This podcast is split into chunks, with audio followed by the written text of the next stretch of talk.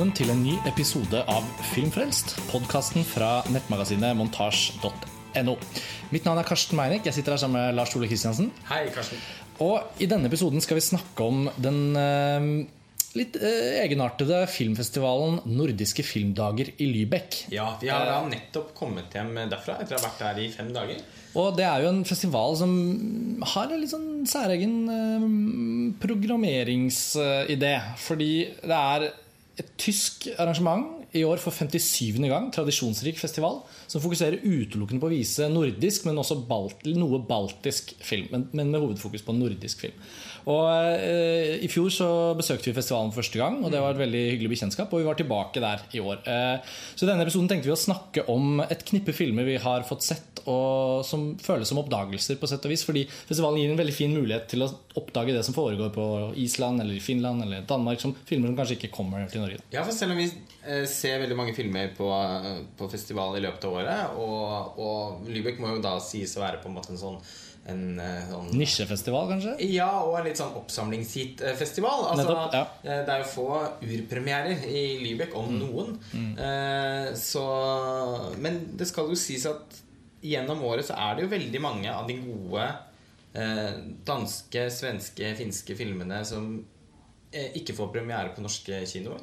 Og som, vi, og som kanskje heller ikke er i Cannes eller Berlin, eller som vi overser fordi mylderet av filmer man skal velge blant, er så, er så stort. Og så ender man jo ikke opp med å se en film som f.eks. Etter, Etterskjell Etterskjelv eh, eller eh, Stavbukker. Det er en del, eh, særlig av de islandske og, og nå også svensk og dansk. Altså det er noen av de som, som, som har vært på radaren, kan man si. da Og som Lübeck blir veldig vel- velegnet for. Og i fjor plukket vi jo til og med et par norske filmer. eh, Og jeg tror mange som Det er jo veldig godt besøkte visninger i Lübeck. Eh, Disse innbyggerne og studentene som bor i denne lille Hansa-byen, som er så vakker, eh, de oppsøker jo visningene i liksom mann over hus, eller hva det heter. Og jeg føler at det å se filmer i Lübeck som kanskje føles kjent, da, en svensk film som vi kanskje burde ha sett, eller som vi skal se senere, eller sånn og sånn, men så, visningsrammene i Lübeck er veldig bra. eh, Og gir en veldig sånn god eksempel i fjor da ble en film jeg hadde klippet natt 17. vist deg. Og muligheten til å da se den norske ungdomsfilmen med eh, tyske, godt voksne tyske 50-60-70-åringer. Og ganske voksen publikum på den visningen. Slo meg at liksom sånn ja, hvis, hvis man først er på veldig spesifikke visningsarenaer, sånn som den festivalen i Lübeck føles som, da, med et veldig sånn et publikum som liksom ikke er helt normalt, men som samtidig er veldig sånn bredt anlagt folkelig. Da oppstår liksom helt andre stemninger. Og vi fikk jo også sett én norsk film i år, vi kom tilbake til på slutten av episoden, Ja. som vi tok et gjensyn med i Lübeck. Og da var det jo en helt uh, egen atmosfære på det. Men um, Ja, det, er, det er i hvert fall en veldig hyggelig festival å besøke, rett og slett. Og er man er, og, og lett å anbefale hvis noen har lyst til å på en måte bare eh, dra på en hyggelig tur og, og, og, få, og få sett litt nordisk film. Eh, kanskje hvis man ikke er sånn superaktiv på kino også, så er det jo også da en del norsk film å, å hente. Filmene går jo kortere og kortere på kino her, her hjemme. det er jo en så for, eh, Absolutt. ja, eh, så også blant nordmennene som var i Lübeck, så var det nok kanskje ikke så mange som faktisk da hadde sett The Dryades fra før av. Det hadde riktignok vi, det var da den filmen som vi valgte å se en gang til. Mm. Som vi kommer tilbake til Men det er, eh, det, er veldig, det er en hyggelig by, og det er en hyggelig festival, og alle visningene er liksom fylt i randen av eh, masse folk og veldig sånn god eh, entusiastisk stemning. Altså Festivalens publikummere er Altså de, de, du, du, Det er liksom Alle sitter f.eks.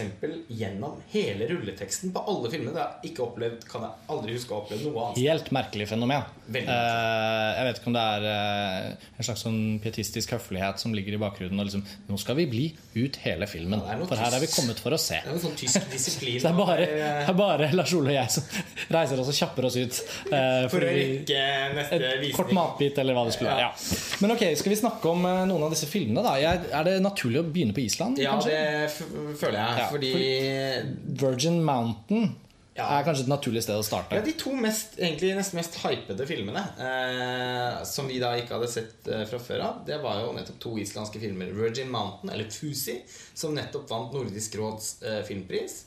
Og 'Rams', eller 'Stabukker', eh, som er fotografert av den lovende norske fotografen Sturla Brandt Grøvlen, som vant en sånn spesialpris i Berlin for eh, 'En natt i Berlin', eller 'Victoria', som er filmens originaltittel. Eh, og som vant hovedprisen i En certain Rekar i Cannes. Mm. Det var, det, det var jo de to som hadde mest sånn Av det vi har kunnet registrere gjennom året, så var det de to titlene her som hadde mest sånn logisk buzz på, på ta det i Lybekk-sjangeren. og, og hvis vi starter med Virgin Mountain da, Begge filmene er sikret eh, norsk kinodistribusjon. Så disse er også filmer som sannsynligvis vil da komme på kino og bli tilgjengelig for dere lytterne våre. Hvis ikke dere allerede har sett dem på festival selv. Um, og Virgin Mountain føler jeg da Nordisk råds filmpris er jo en litt sånn underlig eh, markør. Den har en ganske høy verdi. Jeg husker ikke helt hvor mye det er, men det er liksom 250 000 danske kroner eller 300 000. Det er en ganske sånn stor pengepris til vinneren. Og de har jo sett ut til å omfavne hovedsakelig islandsk film. I hvert fall de siste par årene. Ja, altså Nå har det vært eh, Om hester og menn vant jo i fjor. Ja. Foran Lars von Triers eh, Nymphomaniac, som Ja. var jo den absolutt storfavoritten. Ja. Og i år ja, var jo og turist var vel også blant mange sikkert Jo da, en, en men for liksom- Ja, men på å si for kjennerne. Ja, jeg tenker- Det var i hvert fall en ut- utrolig merkelig avgjørelse at, Mm. eh, at denne litt sånn skrøn, skrøneaktige filmen om hester og menn eh, ble ansett som et, eh, som et viktigere kunstverk. Og eh, i år var jo Mot naturen og Ole Jæver en, eh, egentlig en litt sånn forhåndsfavoritt blant mange. Så, men prisen, prisen gikk til World. Ettersom vi aldri har vunnet denne prisen, så tenker jeg Ja. nå er det vel dags. Ja. Men, men nei. Det var altså The, Så vi- Virgin Mountain. Ja, uh, La oss kalle den Virgin Mountain. Vi har snakket om dette, snakket om dette i Lybekk. At originaltittelen Fousey Det er da navnet på hovedpersonen. Men den engelske tittelen Virgin Mountain har en allegorisk eh, Den tegner opp et slags bilde i seg selv som rimer veldig med de beste delene av filmen, på en måte som er hovedpersonens liksom, nærvær, kan man si. Og, og, så det, jeg syns vi skal gå for Virgin Mountain. Eh, eller jeg kommer til å gjøre det. Jeg syns også det er en langt eh, bedre tittel. Den gikk vi jo i møte med ganske høye forventninger. Det blir sånn når en film eh, mottar den typen utmerkelser. Naturligvis. Eh, jeg følte vel at det var dessverre en litt skuffende film, da, målt mot forventningene. Eh, det er noe med at eh, fi- altså Fortellingen handler om Fusi, eh, som bor hjemme hos sin mor, og som um, har Leker med tog. Som leker med tog og, og sånn rollespillfigurer, maler figurer og Ikke noe galt med det, selvfølgelig, men, men det tegnes opp en ganske ensom voksen mann opp, langt opp i 40-årene. Sånn veldig stor, fysisk eh, stor skikkelse. A. Som, a mountain. eh, flesh. of flesh. Og, eh, og, og um, morens nye kjæreste, som han selvfølgelig liksom, han, Det er sånn klassisk sånn urscene tidlig i filmen hvor han da går inn leiligheten, og så liksom, den litt gamle moren her, sånn sex med sin nye mann. Og han, ja, Det synker inn en slags ubehag over hans tilværelse. Og så blir han liksom pisket av gårde. Han får sånn dansekurs i sånn cowboydans i gave. Der møter han selvfølgelig en jente. Og så blir det da historien om den ensomme mannen som, som sakte, men sikkert kanskje tar noen grep i et liv. Og den sånn destruktive kvinneskikkelsen som, som da av sin, sin, e, sin egen liksom, sitt eget svartsyn eh, klarer å se noe Mer enn- Noe mer eh, bak. de, ja. Nei, det er en ganske klisjéfull film, fordi det føles som en historie vi har fått blitt fortalt altså, hvor mange ganger som helst. Endelig mange ganger før. Og den er ikke spesielt mye klokere eller har veldig mye mer på hjertet enn de fleste av de, den type fortellingene Fortellinger pleier å ha. Ja. Det eneste som er bemerkelsesverdig med filmen, vil jeg si, er ha, altså han som spiller hovedrollen. Ja. Som Fusi. Han er veldig skjønn, rett og slett. Han spiller veldig, veldig godt. Og, og han har et han har, et, et, sånn- et, han har en stemme og en sånn tilstedeværelse som er veldig spesiell. Det er litt sånn at det bare lyser av han. Mm. Og vi forsto det jo også sånn Det var noen som fortalte at eh, regissøren Dagur Kari basically hadde utviklet denne historien og dette manuset til denne skuespilleren. Jeg vet ikke om det var et kompliment til han da eller ikke, men det var mer sånn Her har vi en historie, og det er bare du som kan gjøre den.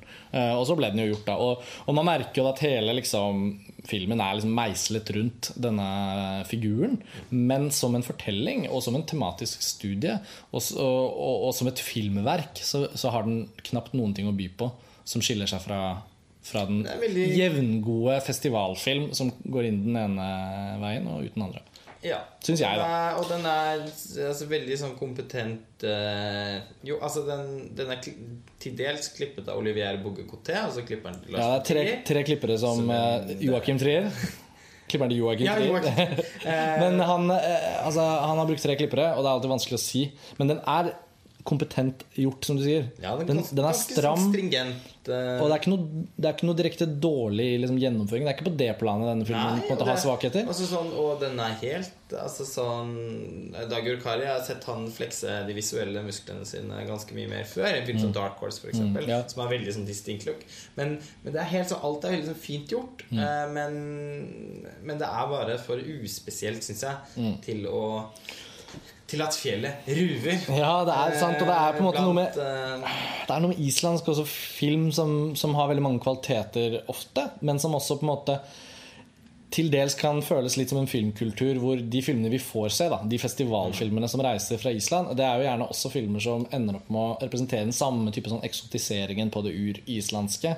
Du tenker nei, eh, nå skal jeg se en islandsk film, der blir det sikkert noe med noen hester eller noe liksom forblåste gater eller noe sauer. Eller, liksom, så, og så er det jo litt sånn at det er det.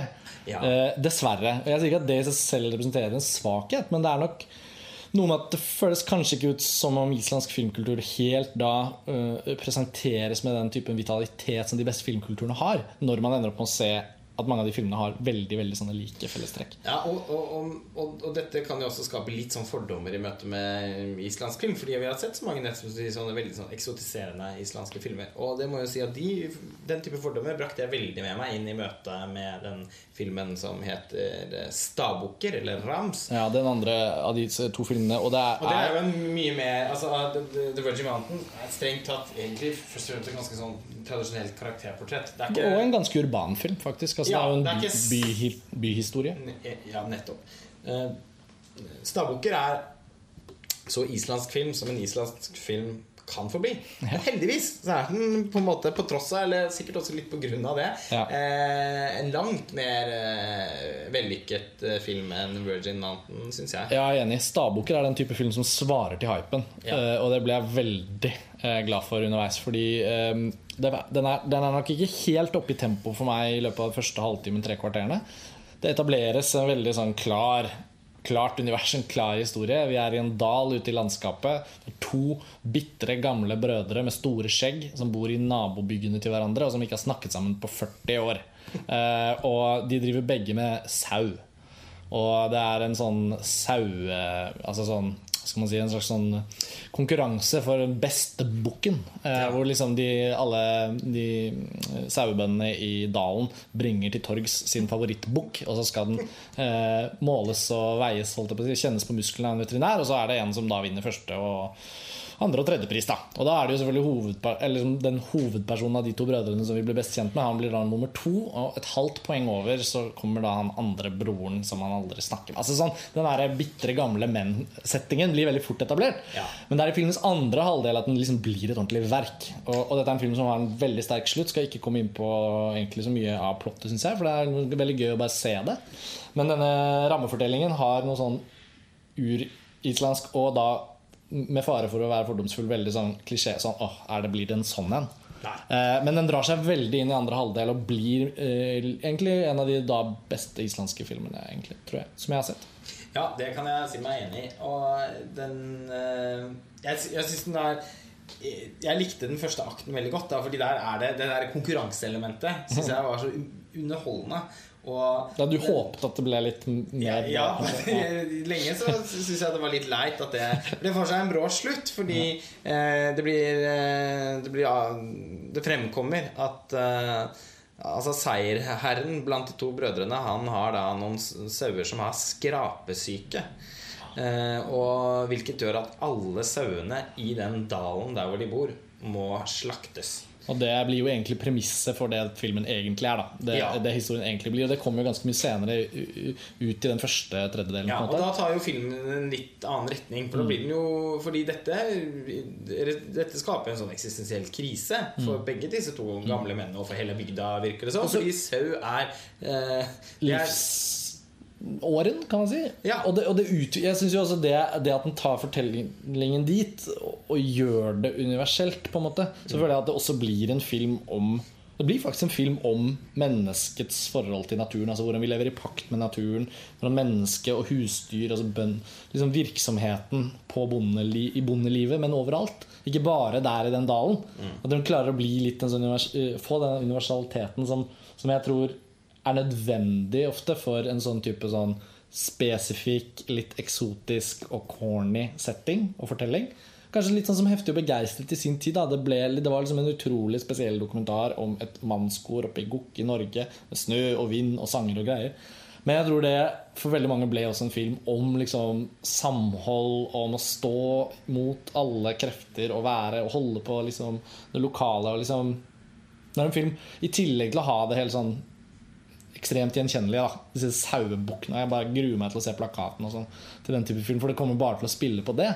Mens eh, heldigvis så er det i denne Stabukker eh, begravet en en veldig sterk eh, historie, faktisk. Og, Ja, og jeg den elsker den. veldig sånn plutselig fra Ja. mot slutten. Ja. Men da har faktisk filmen lyktes med å, å bli en fortelling som, som, som har litt mer kjøtt på beinet enn det jeg hadde forestilt meg innledningsvis. Det skal sies at det er et mitt midtparti i filmen hvor den smekker litt sammen, syns jeg. Eh, Mm. Hvor det er særlig noen innslag av sånn skrullete eh, humor Mm. som, eh, som ga nesten en sånn MN-smak i munnen. For de har allerede, da har, på det tidspunktet har filmen allerede bestemt seg for å på en måte ta en litt mer alvorlig retning. Eh, og så kommer det noen sånne innslag som, ja, altså nesten kunne vært snytt ut av liksom Tuba Atlantic. Ja, og den sketsjelignende på en måte, men også sånn visuelt vellagde sånn komikken mann mot natur, en traktor, det fraktes noen komiske objekter hit og dit og sånn.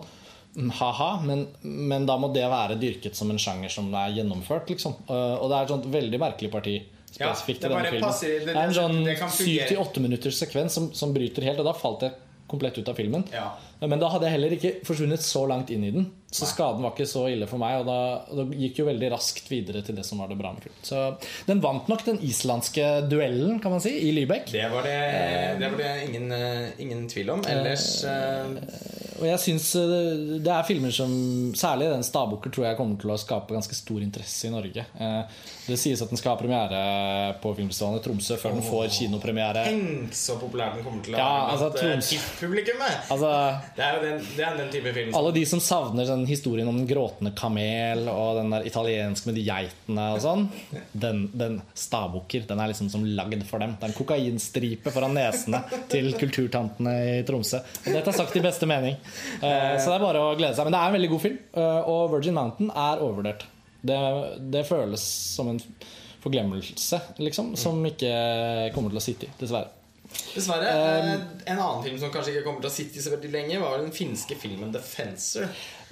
Ja, altså Det er den finske kandidaten til Oscar i år. eh, Og, og det var, vi var nysgjerrige. Og det er en, eh, en historisk eh, film om eh, en eh, fra, som foregår i Estland, men som er en finsk produksjon, regissert av Klaus Harø. Og det er en veldig sånn TV-serie i ikke god mening, da. Eh, Litt sånn flat sånn periodefilm på for lavt budsjett, så ingenting ser ordentlig bra ut. Ganske fin historie, egentlig. Ganske fint manus på en måte som, som kan gjøres til en kjempefilm, Ja. men som bare ikke er lagd ordentlig. Ja, for det det, er var- litt sånn at den er litt sånn dårlig lagd. Ja, dessverre. Eh, Veldig mye på plass. Jeg syns også eh, manuset og historien var jo var kjempefin. Men, og, den var fi, og, den var, og han, han som spilte hovedrollen, var bra. Men eh, Det er jo da kort fortalt en, en fekter eh, som eh, i eh, etterkant av andre verdenskrig har eh, på en måte prøvd å gå i skjul for, for det som har da blitt et sånn stalinistisk regime hvor de tidligere Folk som har ting eh, på rullebladet, kan man si, da, som, som myndighetene vil ha tak i, de er i stor fare. Så han har dratt av gårde til Estland og blitt gymlærer. Og i møte med en veldig veldig skjønn gruppe med barn som bare vil ha noe idrett noe gøy idrett i gymmen å holde på med, så bestemmer han seg for å lære dem å fekte. Og tar dem til slutt med på en sånn fekteturnering i St. Petersburg. Eller Leningrad, da, som det heter i filmen. man hører jo med en gang hvorfor dette er en, er en sånn sånn perfekt filmfortelling. Ja, Den har sånn sportsfortelling-dramaturgi, og alt ligger til rette. egentlig alt ligger til rette. Og merkelig nok Klaus Hare, da, som tidligere har gjort noen ny, praktfulle filmer. 'Elina', som var med i Interfans, og 'Det beste av mødre', som eh, begge er eh, Lykkes veldig godt både, altså, som med sitt melodrama. Eh, og som i tillegg er så vidunderlig vakre å se på at eh, det er liksom det jeg er forbundet med han. Er, er, er at han eh, er så, er så visuell. Og det har vært så utrolig mye tekstur i, i bildene og sånn i de tidligere filmene hans. Alt skulle jo ligge til rette, egentlig. Men, Eh, her, men han virker som en som ikke helt har tålt den overgangen til det digitale. En ting er at filmen åpenbart har altfor lavt budsjett. Eh, på perioden den skal skildre alle detaljene. Ikke sant? De har 70 egentlig av filmen foregår inne i gymsalen. ja, og du Det- føler liksom, du føler liksom kompromissene drypper fra alle kantene av Ja, bildet. dessverre. Og den har en, en sånn televisualitet som ligger i den der glatte, digitale looken, som jo eh, er så overraskende å se fra en filmskaper som, som begynte karrieren sin altså, Når han bemerket seg som en ny uh, finsk filmstemme, så handlet jo det veldig mye om visualiteten hans. Altså, de som så Elina, som jeg er som helt nydelig. Ja, som eh, vil jo veldig godt vite hva jeg sikter til. Den gikk jo på kino i Norge, den. Ja, Den var vel distribuert av Arthouse i sin Jeg tid. Nei, så The Fencer er jo da ikke verdt å, å, å dessverre snakke så veldig mye mer om, egentlig. Da, da føler jeg kanskje at den svenske filmen, som da også var i Cannes, men som vi ikke fikk sett der, 'Etterskjelv', der er det jo mer å sette tenna i. Ja, jeg, jeg syns jo den var den helt klart den beste filmen vi så i Lübeck. Den gjorde i hvert fall veldig inntrykk på meg. Ja, eh, jeg likte den også. Jeg hadde noen innsigelser som ikke vi delte, så det kan jo være fint å snakke litt om det. Dette er nok også en film som vi antageligvis vil, vil, vil gjøre litt mer ut av når den har norsk kinopremiere i slutten av november. Men eh, kort fortalt så, så er det dette noe så sjelden som en sånn gravalvorlig og ganske misantropisk svensk film eh, om etterdønningene av en ung gutts eh, kriminelle handlinger. Som, eh, filmen starter med at han kommer ut av en sånn ungdomsfengselsinstitusjon. Det er ikke helt et sånt fengsel, men det er en sånn, han låses ut i en sånn fantastisk åpningssekvens. Hvor vi liksom, det er liksom sånn Ozu-aktig bilde med sånn dører bakenfor dører. Og så liksom bringes han sånn én dør, låser ut, en annen dør, låser ut. Og veldig mange små mimikker i møtene hovedpersonen har med andre rollefigurer i løpet av de første tre-fire minuttene. En litt lang klem fra hun som tydeligvis har passet på han på institusjonen. Et langt, olmt blikk fra en nabo når han kommer hjem på gården der hvor han han har blitt hentet av faren da, i fengselet, så kjører de til gården. Sånn, en, en, en litt sånn skvetten scene når de er i bilen fra fengselet hjem til gården, hvor faren liksom bremser opp for å få han til å ta på seg sikkerhetsbeltet. Liksom Billedsymbolikken i et sikkerhetsbelte, sønnen fra altså sånn, Filmen lader seg selv enormt raskt. Så bare noen minutter inn i etterskjelv så kjenner man sånn Åh, dette blir dette blir tungt. Dette blir oh, Her ligger det mye Mye i tapetene, liksom. Og, og det gjør det jo også. Ja, det, Altså- dette er et stykke skandinavisk misantropi. misantropi. Eh, og som på veldig mange måter handler om ideen om tilgivelse. Og hvorfor den ofte er utilstrekkelig. Eller snarere at den ikke fungerer så godt i praksis. Vi lever jo i en kultur som er basert på at vi skal tilgi hverandre, også for de frykteligste ting. Eh, i en større eller mindre grad. Man skal i hvert fall ha muligheten til å kunne komme tilbake til et samfunn Ja. eh, etter å ha gjort en grov forbrytelse, som hovedkarakteren i denne filmen har. Men filmen eh, skildrer jo bare på en helt sånn nådeløs måte hvordan det Hvor utilstrekkelig Ikke er mulig. Nettopp. Og, og hvor konsekvensene selvfølgelig det får når det presses frem av liksom Altså Faren har jo på en måte bare hentet han i fengsel, rett inn i familien. De snakker ikke om ting fordi Komplett kjærlighetsløst hjem. Og det er liksom sånn Det er mange ting som fortelles i filmen ved at det ikke er der. For eksempel så er det ingen mor.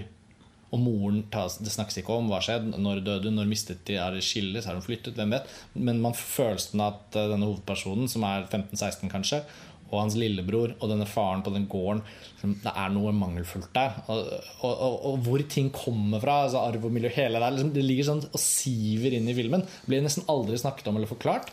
Og så er det ingenting som er hyggelig i filmen. Ingenting Altså, som er hyggelig. Det er en gammel bestefar som er helt syk, fryktelig. Ja, det er, Ja, det var litt, Ja. altså, Den filmen var så nattsvart at den nesten ble litt komisk. Ja. Heldigvis så, eh, så, var det, så, så var det på en måte som jeg også tenker er, eh, er filmskaperens intensjon. Altså Akkurat denne farfarskikkelsen er, så, eh, er så karikert, vemmelig og utrivelig i kontrast til hva man forbinder med at en bestefar skal være. Altså, han er verstefar. I det øyeblikket en vanlig film ville da sluppet til en birollefigur som kunne lette litt på stemningen, så nei, verre. Ja. Eh, og, og, eh, men det er jo veldig imponerende. Jeg vil bare ta opp det du sier der. Altså, intensjonene til altså, Regissøren Magnus von Horn, tror det er det han heter, debuterer jo med denne filmen. Eh, og han har uh, mange kunstneriske samarbeidspartnere fra Polen. Det er tydeligvis gått på filmskole der, så vidt jeg har skjønt. Og, Mm. Og filmen er også dels uh, Polsk koprodusert, ja. Og fotografen Lukas Zahl Han gjorde jo denne Ida til Paul Pawlikowski, eh, og har liksom allerede liksom, Han ble Oscar med det. Ja, og så han er jo veldig på banen. Og, og man merker at intensjonene, både i oppbyggingen av det visuelle, i filmens fortellertempo det føles enormt gjennomført og kompetent. Likevel hadde jeg, da du øh, følte det nesten gikk til komikk, eller hva vi skal si, jeg vet ikke helt når i filmen dette var, da, la oss si etter 20-25-30 minutter kanskje, så begynte jeg å kjenne på at jeg syns det var for tilbakeholdt. Altså det var jeg følte jeg forsto hvor fortellingen var på vei, og jeg syns vi fortjente å få det fortalt. Det gikk for sakte for meg. Og jeg syns ikke, Det var ikke sånn at jeg Det var ikke dårlig. Det var ikke noe, og det var helt åpenbart intensjonen. Ja. Men for meg var det sånn at sånn de har rigget til fortellingen, så er publikum med. Og er klare for å liksom få det. Få vite hva han har gjort. Få se at han reagerer. For, for få noen responser. Få, og det kommer jo. Men jeg syns det ligger en sånn litt sånn manetformet narrativ bit mellom sånn 25 minutters merke og 45, 45 så 20 minutter der. Hvor liksom filmen bare liksom insisterer på å være sakte. Ja, og, er- tilbake. og ikke på en sånn derre Roy Andersson, lange tagninger, ting skjer i sånn til folk går fra den ene siden av skjermen, og du bare sitter og ser på det, liksom. Men her mer som en sånn derre bare sånn litt sånn innbitt og insisterende. Og jeg syns ikke det var en bra måte å fortelle det på i den biten av filmen. Og så begynte jo ting å skje.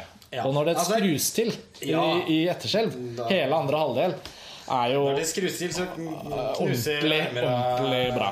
bein. Ja. Eh, veldig bra. eh, ja. Og jeg, jeg syns heller ikke den var kjedelig et sekund. Nei, jeg syns det, og det er det jeg prøver å si, men jeg, jeg, Men den jeg, men jeg er ser ditt form, poeng. Ja, men den er, så, den er så formfullendt. Eh, Den er ikke uten svakheter. Det er den ikke. Eh, Det ligger mest i skuespillet, syns jeg. Det er åpenbart eh, noen amatørskuespillere her som hadde trengt en litt annen type instruksjon. Mm. Eh, Det skal sies Hadde filmen vært rumensk, så ville jeg ikke levnet det en tanke.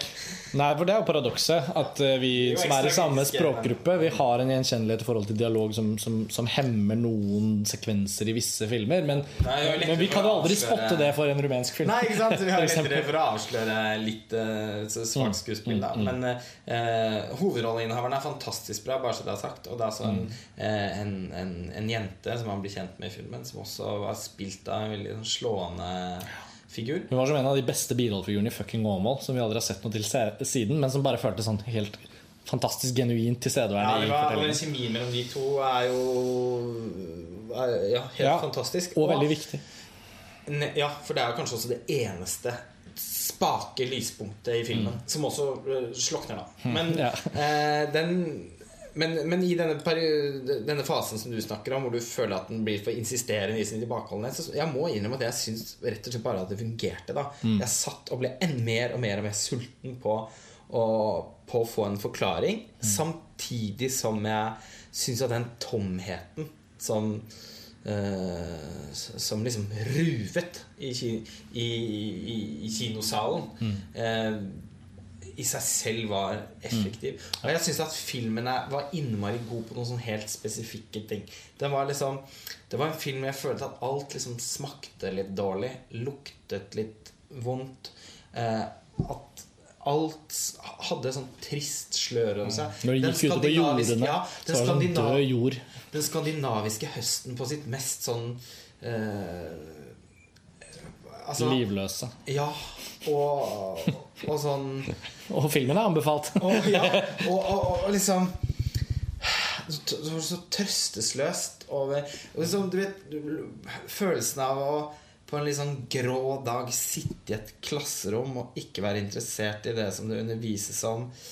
Eh, åpne en matboks med sånn innestengt luft som lukter av doble brødskiver som har ligget akkurat noen timer for lenge. En vannflaske eh, sånn, med sånn husholdningssaft og hvor den drikketuten har blitt sånn skrapete fordi den er brukt så mange ganger skjær. Altså sånn Hele filmen er det. Ja, altså Sånn føltes det. Altså, og det i seg selv syns jeg var en he helt eh, spesiell kvalitet. Da, da snakker man om at noen virkelig har eh, fått til noe med det, med det visuelle universet. Da. Det var den beste filmen i Lübeck som vi så, i hvert fall. Eh, nå ble jo også en del norske filmer vi har sett fra før av, som vi liker veldig godt, vist der nede. Så det var ikke, sånn, det var ikke en konsensus eh, i seg selv, men vi så da et knippe altså, filmer, og for oss var dette oppdagelsen. Ja, for Blant de vi så, så var det ikke tvil om det. Em, Fra etterskjelv som er såpass liksom mørk og, og tung, og selvfølgelig veldig bra, så kan vi jo avslutte med liksom to, to lyspunkter. Eh, to forskjellige oppvekstskildringer som på hver sin måte liksom, har faktisk ganske mange fellestrekk, men som er eh, også veldig forskjellige. For det var jo en av de baltiske filmene som, eh, som vi hadde notert oss også fra før av. Den har hatt en fin festivalreise og fått mye god mottakelse, som heter 'Summer of Sangaile'. Og eh, den siste filmen vi så, var da eh, Sten Hellevigs 'Dryads', som vi da etter litt sånn i går, siste filmen, vi var litt slitne, tenkte Nei, vi tar et gjensyn med 'Dryads'. Det blir gøy. Det er gøy å se en norsk film med et uh, Lübeck-publikum og føle litt på det. Og det morsomme er at det oppstår noen fellestrekk. Vi kan jo starte med 'Sommer litt av Sangaile'. filmene kan jo minne litt om hverandre, selv om uh... Filmer om jenter. Ja. ja. For å starte der. Uh, altså, veldig kort om plottet. 'Summer of Sangaile' Det er en, en litauisk film om uh, Sangaile, som er hovedpersonen, som er på sommerferie uh, ikke, altså litt på i landlige omgivelser, hvor det er en sånn flyklubb som driver med sånn fly, eh, akrobatiske flystunt med sånne gamle, eh, lett bevegelige fly. Eh, hun har høydeskrekk og vil ikke gå opp i noe fly, men hun elsker liksom å se på det og drømmer seg borti det. Eh, og så, eh, der på flystevnet i filmens åpningsscene, så møter hun en jente som er en helt annen type. Sangaila er en sånn lavmælt, veldig vakker, men litt sånn lakonisk, stille type. Og så blir hun da rett og slett sjekket opp av en eh, sprudlende, uh, gryende fashiondesigner-jente som er fra En slags multikunstner. ja, Livskunstner. livskunstner som bor i en sånn sovjetblokk eh, i nærheten av flystripa. Og, og hun får liksom venner den sommeren. Så det blir liksom gjengen. Masse bikarakterer som ikke helt er rollefigurer, men de er liksom vennegjengen. Og så er det disse to jentene, og så blir det romantikk i luften. Og det er jo, er jo en eh, kjærlighetshistorie. Eh, Ja, definitivt. Eller kanskje mer en kjærlighetsskildring, fordi Ja. historie Dette er en film uten filmens Nei, det er en film nesten uten plott og nesten uten dialog. Og, og da filmen begynte, så innså vi at uh, den tyske arrangøren hadde valgt å vise denne litauiske filmen med tysk tekst. Så da så vi litt leie på hverandre og tenkte ja, ja, da glapp denne filmen. Men så viste det seg umiddelbart at de snakket nesten aldri. Nei, nei, Og tysk tekst er jo faktisk Det er jo mange språklige likheter med norsk Ja da, så så man klarer jo å henge seg på. ble ikke noe problem. En veldig herlig film. Uh, Ja, absolutt. Den har jo et overskudd. Nettopp. Altså, full av svakheter, det er ikke det, men ja, sånn, den er først og- full av svakheter. Men, men først og fremst herlig. ja, den så Den har et, altså, sånn en, et, et slags kreativt overskudd, i likhet med den ene hovedkarakteren, som man enten syns er komplett utholdelig, eller litt sjarmerende og egentlig bare fint. Eh, den minnet meg en god del om, eh, om, om filmen 'God Help the Girl'. Denne eh, musikalfilmen til, eh, som ble laget av han Ballan Sebastian Stuart Murdoch. Den har vi en artikkel om. Og ja, jeg skrev en artikkel om den tidligere i år, nettopp fordi at jeg falt litt for den filmen. Eh, på så, så også på tross av at den ikke har Altså, den har jo heller da virkelig ikke noe historie å fortelle. Men den har noen fine rollefigurer, og den har en, en, en, en tone av uh, altså, en, Bare en tone som, som jeg som jeg liker. Det er en, sånn, en letthet og en, en følelse av frihet. Det er en, en følelse av at en filmskaper bare bestemmer Åh, jeg, har lyst til at, jeg har lyst til at filmen min skal inneholde en sånn sekvens. Jeg Ja. vil at de skal gå ut og pynte seg, og så skal de ta noen bilder. Så skal de være glad i å ha sex overalt. Og Overalt, lenge. alle mulige scener. Ja. Og- være, og den ene sexscenen skal de ha på seg en sånn tyllskjørt med en sånn eh, lys Sånne remser av sånne julelys nærmest Ja. som de har liksom pakket seg inn i. Og Det skal regissøren være ute på stranden, like ved sjøen. Og hopper uti bader, dytter hverandre uti. Alt det der. Og regissøren eh, Alante Kawaite Hun eh, har jo laget sin andre spillefilm her. Og har på en måte åpenbart en sånn uflink måte å lage film på. Hun har ikke lært det liksom på filmskole. Og det er en veldig kvalitet i dette tilfellet. her Det det. Eh, Hun har bakgrunn som skuespiller og har blitt regissør. Og måten hun på en måte stiller seg med kameraet sitt overfor disse to jentene i hovedrollene på, og leker med bildespråket, er filmens fremste kvalitet. Og så er den selvfølgelig full av svakheter, men det kan man jo på en måte Ja, vi skal ikke, dette er ikke den lengste episoden vi skal lage, vi kan gå inn i det, men samtidig Det er litt sånn anbefaling, føler jeg. Den filmen kommer til å dukke opp på noen festivaler. Og, og hvis man syns det er litt sånn herlig å se noen sånne coming of age om sommeren, noen som forelsker seg, en filmskaper som bruker bilder, leker, lager montasjer, setter på kule låter. Det er et øyeblikk hvor eh, Susanne Sundfør og Røyksopp eh, hva, heter den, hva heter den låta igjen? Running to the sea. 'Running to the Sea'. Eh, bare skrus på i bilen, og så kjører du av gårde og hører på den noen minutter. Altså, det er jo Så enkelt kan det gjøres. ja, det er så mye mer frydefullt eh, å se den filmen for dens Også- kvaliteter. Ja, og så må det jo sies at det var noen virkelig vellagde sekvenser i filmen. Ja. Hun har jo åpenbart et, et kjempetalent på uh, vi, ja, Vi kan ikke helt si visuell historiefortelling, men Nei. eh, ikke det. visualitet alene, i hvert fall. Det, det, det er noen, noen ganske sånn slående bilder og iscenesettelser i filmen som gjør den minneverdig. Mm. Ja. Eh, Men den er ikke på nivå med Dryads, hvis man skal dra den sammenligningen. Fordi Nei, iscenesettelsen som gjøres tidvis helt ekstraordinært høyt nivå i norsk sammenheng i Dryads. Det er jo sånn man blir litt sånn forbløffet over når man har sett den i selskap med andre eh, nordiske filmer på den festivalen. Mm. Vi avslutter da med, med Dryads. For de som ikke har sett den, den gikk jo da på norske kinoer i, i august.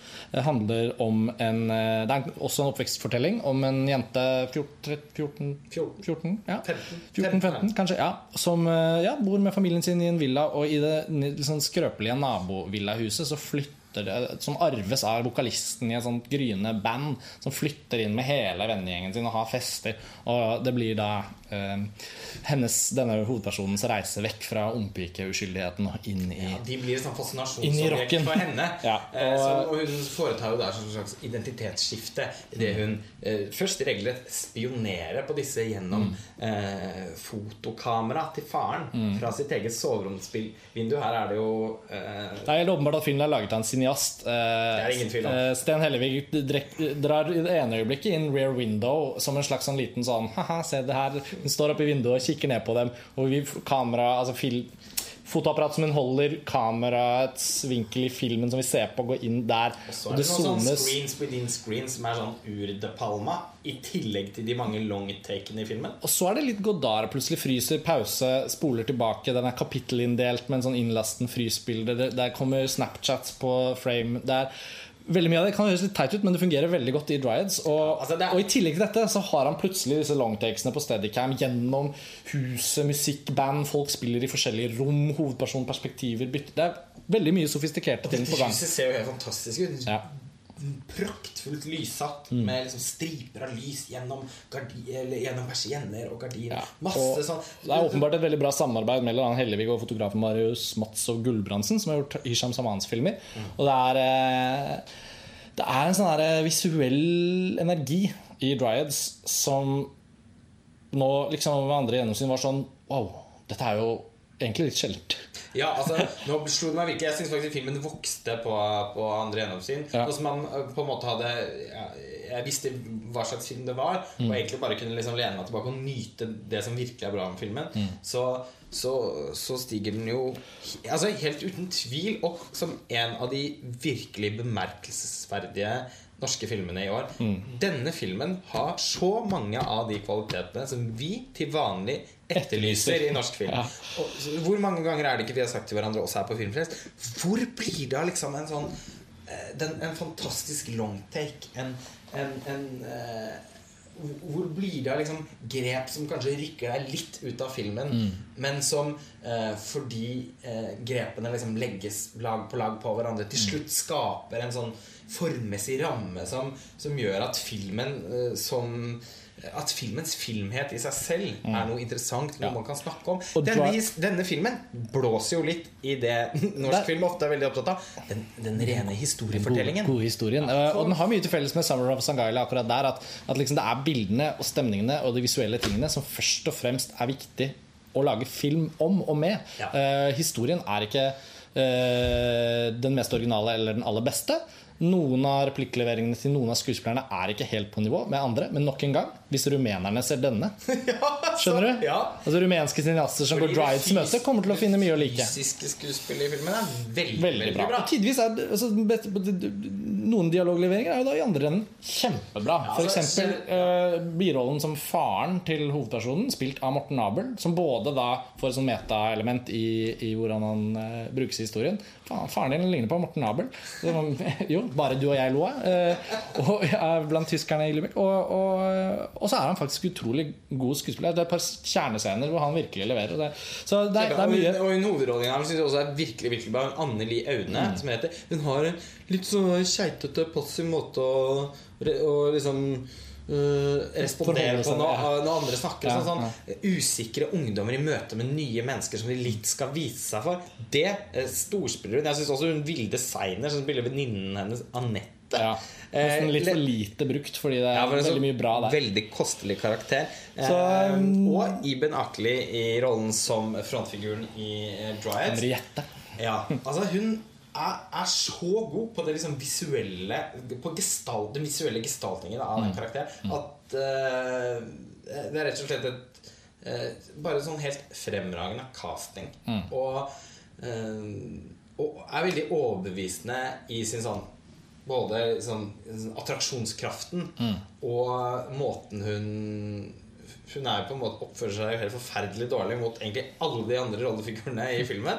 Men eh, filmen klarer å overbevise oss om at hun likevel på en måte lykkes med å holde de der hjulene sine i gang. Definitivt. Eh, den, og den bevarer sånn, den mystikken som oppstår rundt denne Dried-spann. og sånn, Den, eh, den, den, den klarer filmen helt sånn genuint å skape. Og jeg synes, selv om historien i seg selv er tynn, så er det veldig underholdende. Og, det, Og musikken er bra.